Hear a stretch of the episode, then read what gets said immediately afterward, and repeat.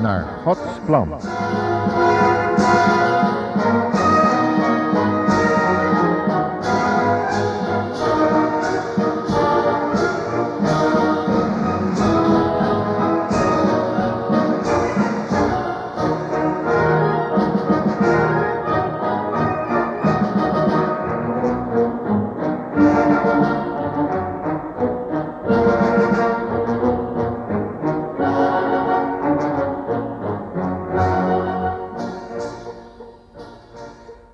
Welkom luisteraar in ons familieprogramma Gezin naar Gods Plan.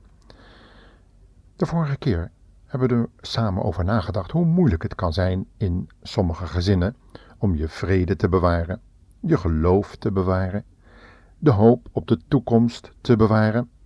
Het kan allemaal zo dreigend op je afkomen en het kan allemaal zo hopeloos eruit zien. En toch, er is hoop. Er is toekomst. Wanneer wij de Heer Jezus in ons leven leren kennen, dan zien we dat Hij alle hopeloosheid als rook doet verdwijnen wanneer er een frisse wind komt. Ja, wanneer wij zeggen: Kom binnen, Heer, kom binnen in mijn huis, kom binnen in mijn hart. Ja, ik stel mijn hele leven voor u open.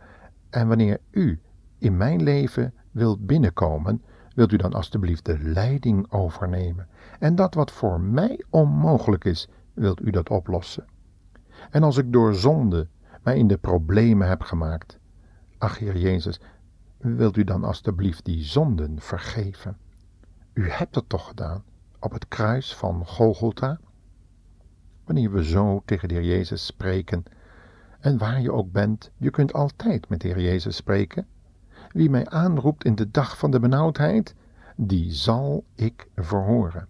God de Vader heeft zelfs gezegd: Als je tot mij komt in de naam van mijn zoon, dan zal ik je gebed verhoren. Maar kan dat dan zomaar? Moeten we dan onszelf niet eerst verbeteren? Moeten we niet eerst een, uh, een betere heiligingsjas aantrekken? De Jezus zegt: Kom zoals je bent. Dan wil ik bij jou naar binnen gaan en je van binnenuit vernieuwen. Kent u dat verhaal van die bedelaar die daar aan de kant van de straat zat, in lompen gehuld? Er kwam een schilder, een vrij bekende schilder langs. En hij zag zo dat straattafereeltje. En er kwam een idee, een plan in hem op. Hij liep op de bedelaar toe en zei: Zeg, zou jij graag er met betere kleren bij willen zitten? De ogen van de bedelaar lichten op. Natuurlijk, zegt hij. Wie zou dat niet willen? Maar ik heb het geld er niet voor.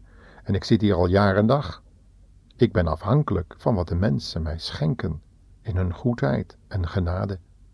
Welnu, zei de schilder, ik wil je ook goedheid en genade geven. Kom zoals je er nu bij loopt naar mijn atelier daar en daar. En de schilder gaf hem het adres en maakte een afspraak met hem zodat hij de volgende dag op een bepaald uur in de morgen aanwezig zou kunnen zijn in het atelier. En dan wilde de schilder hem uitschilderen terwijl hij zo al bedelend daar zo zat en heel afhankelijk was van andere mensen. De schilder had er een bepaald doel mee. En dan als beloning zou hij helemaal in het nieuw gestoken worden en mocht hij dus ook met een behoorlijke som geld weer teruggaan de wereld in. Hij kon dus opnieuw beginnen. Maar de voorwaarde was: komen zoals je bent. Hij mocht het huis van de schilder binnengaan zoals hij was. De volgende dag werd er op de deur geklopt. Van binnenuit werd de deur geopend en de schilder stond daar. Wie bent u? vroeg hij aan de man die daar geklopt had. Oh, ik ben die, uh, die bedelaar, weet u wel, die u gisteren ontmoet hebt en die u had uitgenodigd om uh, bij u langs te komen voor een schilderij. En u zou me daarvoor belonen. Ja, maar ik ken u niet. De man die ik daar gisteren gesproken heb, zag er heel anders uit. En uh, u ziet er vrij redelijk uit, maar zeker niet zoals die man die ik had uitgenodigd. Ja, ja, ja, maar ik dacht, uh, zo als ik ben, kan ik niet komen. En ik moet me toch een klein beetje opknappen. Ik heb hier en daar wat kleren geleend. Ik heb me gewassen en mijn haar gekamd. En ik dacht, zo kom ik beter op het schilderij. Ja, maar dat was niet de bedoeling, beste man. Ik heb je als voorwaarde gesteld dat je komt zoals je bent. Zoals ik je gisteren ontmoet heb, dat was de voorwaarde. Zoals je nu bent, kan ik je niet gebruiken voor mijn doel.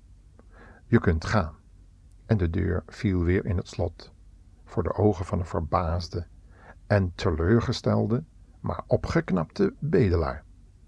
Ongetwijfeld zult u de bedoeling begrijpen. De Heer Jezus wil dat wij eerlijk en oprecht komen zoals we zijn.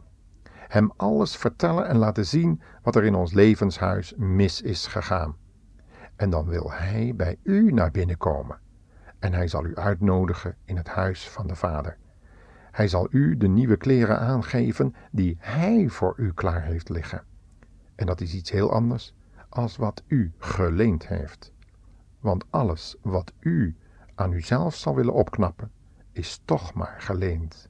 Het is niet van uzelf. Paulus die zei aan de Corinthiërs: Wat heb je wat je niet hebt ontvangen? Waar beroem je je op? Alles wat we hebben, dat hebben we toch immers van God gekregen. Maar je hoeft er zelf niets aan te doen. En als je denkt dat je jezelf moet opknappen, zonder daartoe een opdracht van God te hebben, zonder het ook werkelijk te kunnen, want van binnenuit ben je nog steeds dezelfde, dan kan God er niets mee beginnen. De Heere God heeft gezegd: Kom tot mij, die vermoeid en belast zijt, en ik zal je rust geven. Zoals je bent, kom ik in je leven wonen. Beleid eerlijk wie je bent. Kom er vooruit. Zeg wat er mis is gegaan. Beleid het als zonde en heb er berouw over. Dan zal ik dat nieuwe leven aan jou geven wat ik verworven heb op het kruis van Golgotha. Zo zegt de Heer Jezus. En dan nu ons beloofde Openbaringen 3, vers 20. Dat beloofde verhaal van Johannes, wat hij moest schrijven aan die zwakke, maar een hoogmoedige gemeente van Laodicea. Daarvan had God gezegd dat hij moest schrijven: Zie, ik sta aan de deur en ik klop. Indien iemand naar mijn stem hoort en de deur opent, ik zal bij hem binnenkomen en maaltijd met hem houden en hij met mij. Alleen maar de deur open doen van uw levenshuis en hij komt bij u binnen om u helemaal van binnenuit te veranderen. En dan zal deze huismoeder, waar ik beloofd van haar, dat, hij, dat zij u zou vertellen wat er in haar leven gebeurd is, die zal ik zo dadelijk aan het woord laten. Maar dan nu eerst een lied.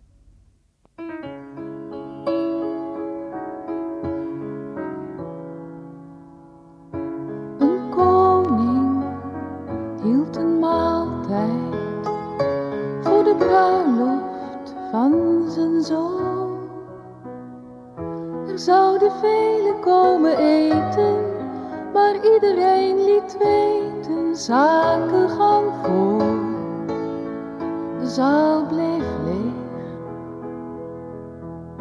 Niemand gaf gehoor.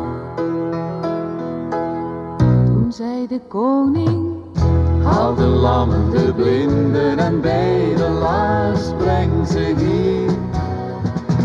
Dat ik met lammen en blinden bruiloft vier, breng ze hier. Ga naar de kruispunten der wegen door de straten en stegen van de stad. Want niemand zal mijn maaltijd eten die ik genodigd had.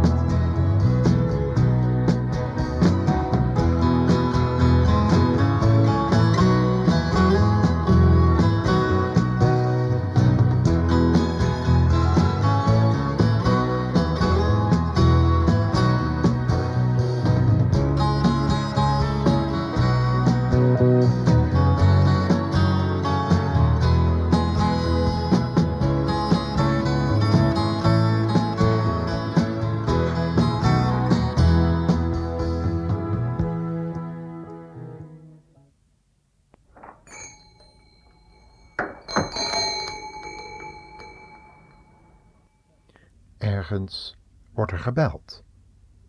En je raadt nooit wie er op de stoep staat. Het is de Heer Jezus. En hij vraagt: Mag ik binnenkomen? De mevrouw die open doet, die denkt na. Zal ze de deur weer dicht doen? Of zal ze hem binnenlaten?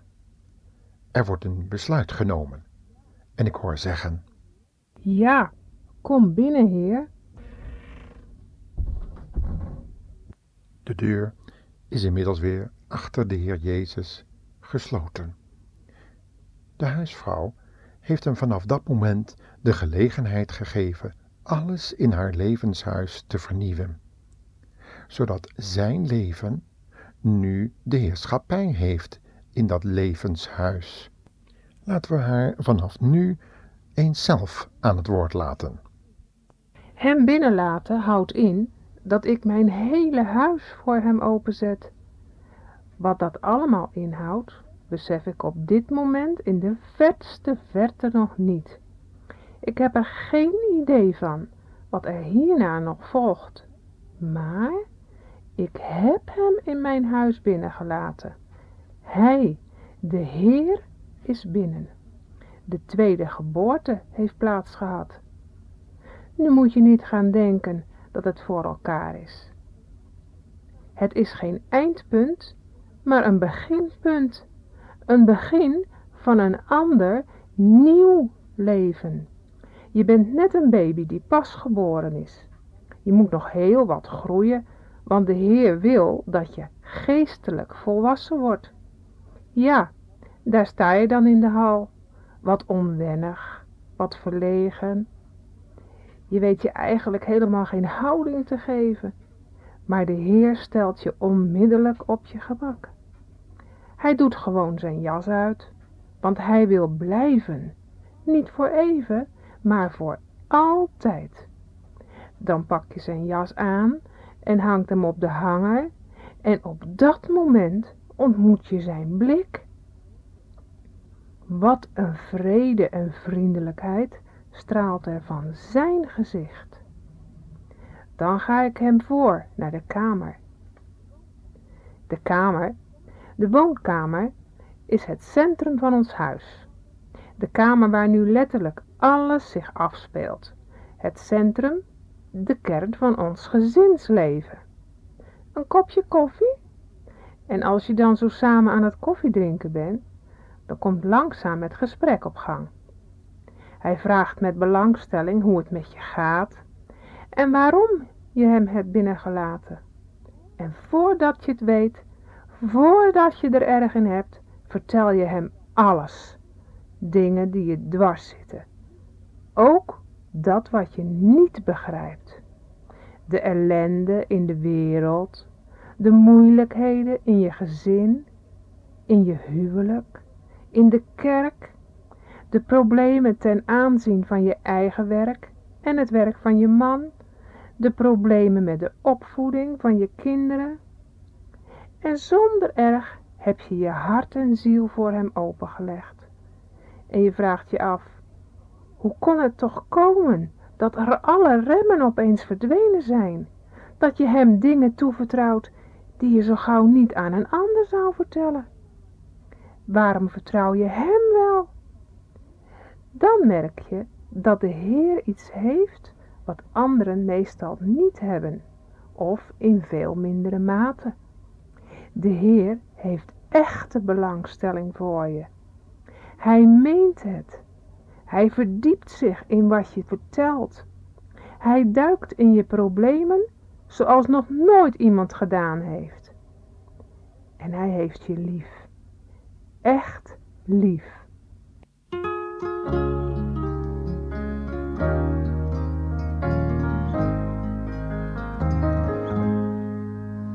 Als ik s'avonds verlang naar de nacht. Als ik moe ben van vragen om kracht. Komt de stem van de Heer, leg je zorgen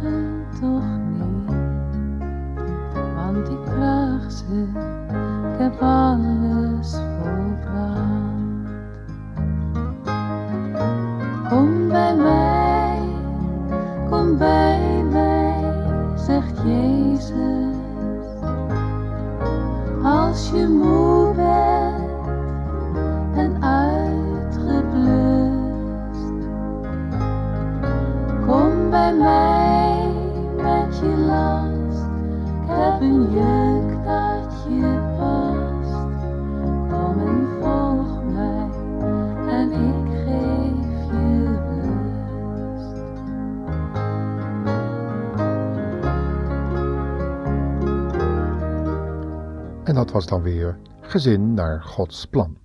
Een volgende keer hopen we verder naar deze huisvrouw te luisteren hoe het nu in dat huis eruit ging zien.